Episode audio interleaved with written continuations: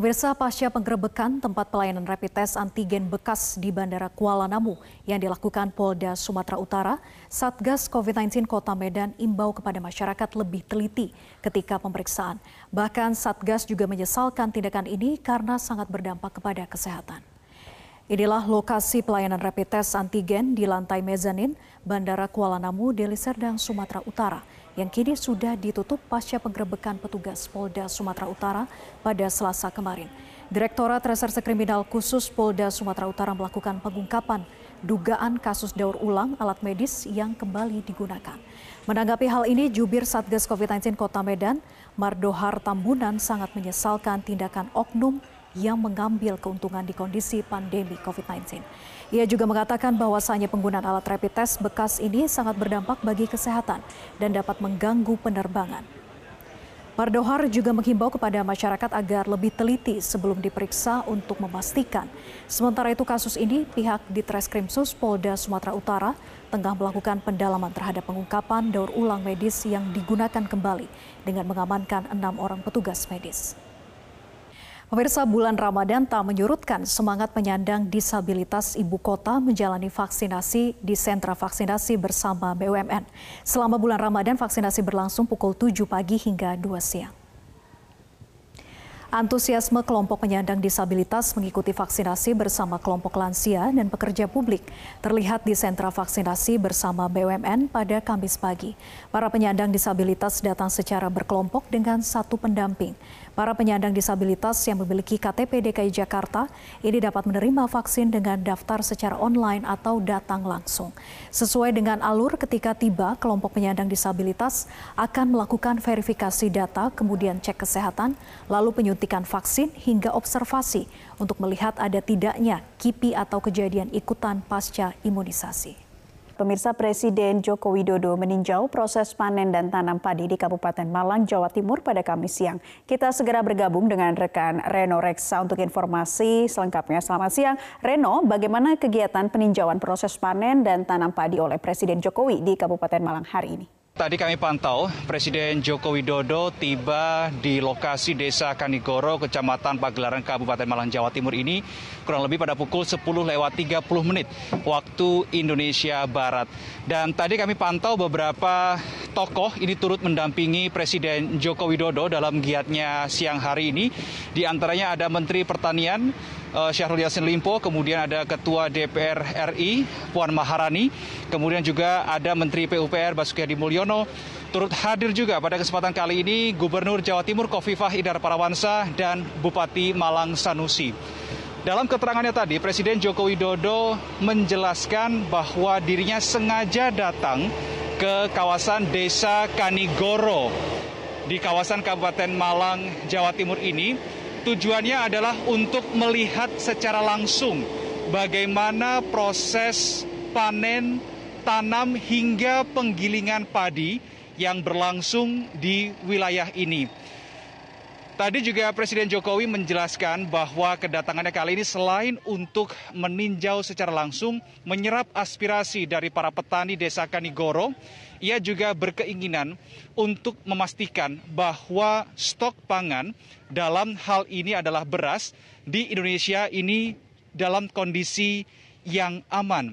Sebagaimana yang kita ketahui bahwa Jawa Timur ini bisa dikategorikan menjadi sentra produksi padi terbesar di Indonesia. Karena data yang kami dapatkan bahwa di Jawa Timur ini untuk luas lahan panennya sekitar 1,7 juta hektar, kemudian dengan penghasilan padi sebanyak 9,9 juta ton GKG yang setara dengan 5,7 juta ton beras. Nah, Kemudian dengan adanya hal-hal ini Naila dan pemirsa Jokowi tadi sekaligus menegaskan dengan tegas Presiden Joko Widodo mengatakan bahwa tidak perlu dilakukan impor beras karena sekali lagi kondisi stok beras di Indonesia ini dalam kondisi yang aman. Namun kebijakan untuk tidak melakukan impor ini disampaikan oleh Jokowi harus dengan kalkulasi yang tepat atau kalau saya tadi mengutip eh, kata-kata yang digunakan oleh Presiden Joko Widodo adalah hitung-hitungannya harus tepat dan juga benar karena ini menyangkut uh, kesejahteraan masyarakat Indonesia secara luas dan juga kesejahteraan para petani. Di waktu yang sama, Joko Widodo tadi juga mengapresiasi adanya eh, padi varietas IPB 3S di mana dalam lahan seluas satu hektar ini bisa menghasilkan gabah 3, eh, 12 ton dan Joko Widodo pun tadi juga berjanji akan memfollow up, akan menindaklanjuti hal tersebut supaya bisa menghasilkan manfaat yang lebih banyak lagi. Kita akan simak statement selengkapnya dari Presiden Joko Widodo, Presiden Republik Indonesia berikut ini. Saya bersama dengan Ibu Puan Maharani, Ketua DPR RI, dan juga para menteri, gubernur, dan bupati. Untuk memastikan bahwa produksi padi yang ada, panen yang ada, betul-betul bisa memenuhi kebutuhan seluruh rakyat Indonesia. Sehingga kalau itu betul-betul ada barangnya, ada padinya yang dipanen, kemudian nanti muncul produksi menjadi beras, kepastian mengenai jumlah itu betul-betul bisa dikalkulasi, bisa dihitung. Oleh sebab itu kita tidak perlu yang namanya impor. Tapi itu hitung hitungannya memang harus pasti karena ini menyangkut masalah perut, masalah makan rakyat itu dari sini. Di sisi yang lain tadi Menteri Pertanian Syahrul Yassin Limpo juga mendukung keputusan dari Presiden Republik Indonesia Joko Widodo untuk tidak melakukan impor karena memang kondisi stok beras di Indonesia sampai dengan saat ini aman sampai dengan bulan Juni 2021. Menteri Pertanian Syahrul Yassin Limpo tadi pun juga akan uh, mengatakan akan juga melakukan koordinasi yang intens bersama dengan pemerintah daerah baik di tingkat provinsi maupun di tingkat kabupaten kota supaya pengendalian stok pangan dan kestabilan harga ini bisa terus berjalan. Pemirsa setelah berjalan beberapa bulan tim riset FK Unpad masih terus melakukan uji klinis vaksin COVID-19 produksi Anhui Zive Longkom Biopharmaceutical. Penyuntikan dosis kedua sedang dilakukan kepada 2.000 subjek yang berada di kota Bandung. Hingga hari ini sudah terdapat 1.167 subjek yang mendapatkan dosis vaksin kedua. Menurut juru bicara tim uji klinis Muhammad Faisal, saat ini pihaknya akan mengajukan izin Emergency Use Authorization atau UEA kepada Badan POM untuk membantu pemerintah dalam meningkatkan cakupan vaksinasi di Indonesia. Mengingat saat ini Indonesia vaksin masih terbatas. Sejauh ini target subjek uji klinis sudah memenuhi dengan jumlah 2.000 relawan di kota Bandung dan nantinya akan terus dilanjutkan dengan pemberian dosis kedua dan ketiga yang akan berakhir pada bulan Juni 2021. Memang uh, kami akan mengusulkan untuk mendapatkan emergency use authorizations dari uh, BPOM. Uh, kemudian sebenarnya tujuannya memang untuk membantu pemerintah dalam uh, meningkatkan cakupan uh, vaksinasi di tingkat masyarakat. Seluruh jalur alternatif mudik di wilayah Bogor mulai dijaga ketat oleh polisi. Penjagaan terutama dilakukan di jalur-jalur mudik yang biasanya paling ramai seperti Gadok dan Cibinong.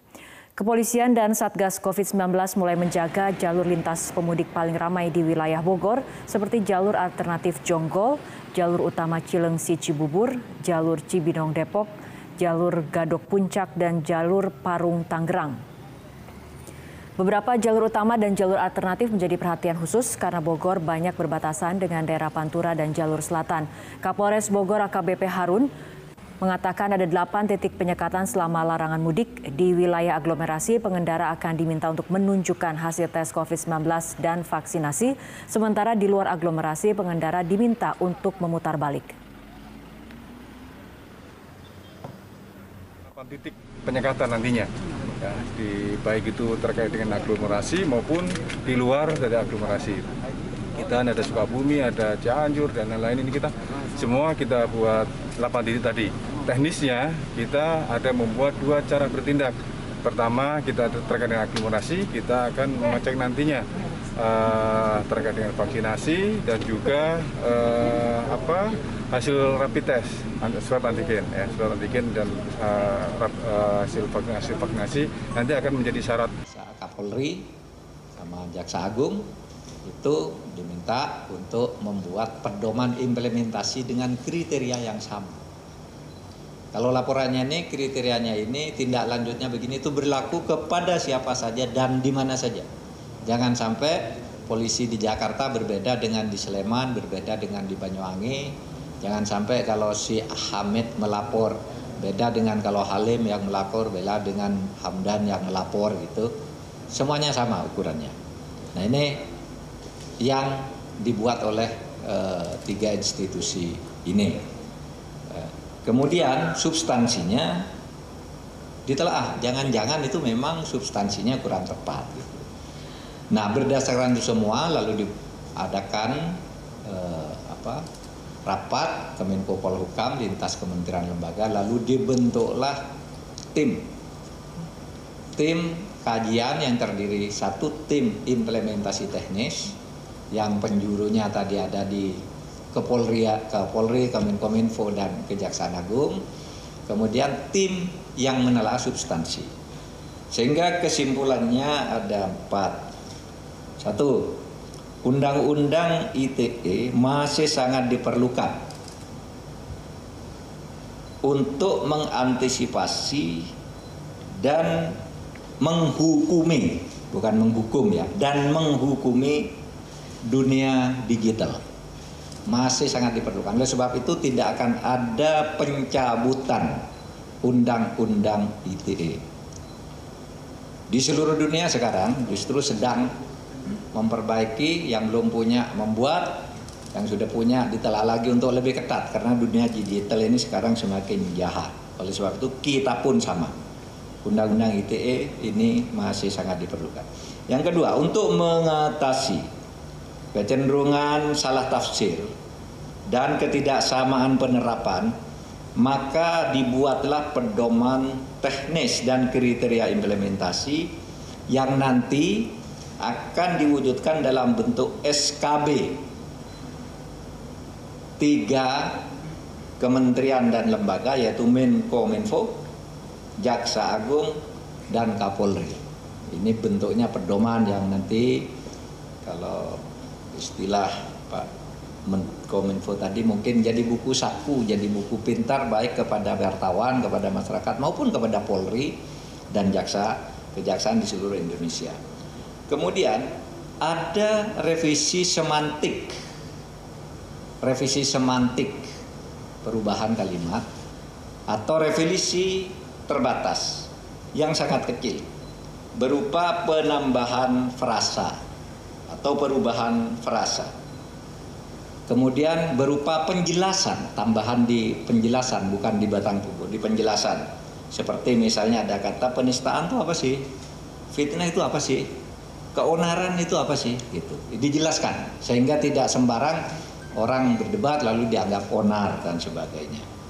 Nah memang kemudian untuk memperkuat itu hanya ada satu penambahan pasal yaitu pasal 45C itu aja dari saya Ya pemirsa itu tadi konferensi pers yang dilakukan oleh Menko Polhukam Mahfud MD terkait Undang-Undang ITE terutama mengenai pedoman implementasi Undang-Undang ITE di mana sebelumnya pemerintah membuat dua tim. Yang pertama ada tim kajian implementasi teknis dan mengenai implementasi substansi yang diambil kesimpulan ada empat poin di mana Undang-Undang ITE masih sangat diperlukan untuk mengantisipasi dan menghukumi dunia digital sehingga Undang-Undang ITE tidak akan dicabut. Poin yang kedua adalah untuk mengantisipasi salah tafsir akan ada pedoman implementasi dan juga kriteria dan nantinya akan dibentuk SKB tiga kementerian lembaga dari Menkominfo, Kejaksaan Agung dan juga Polri.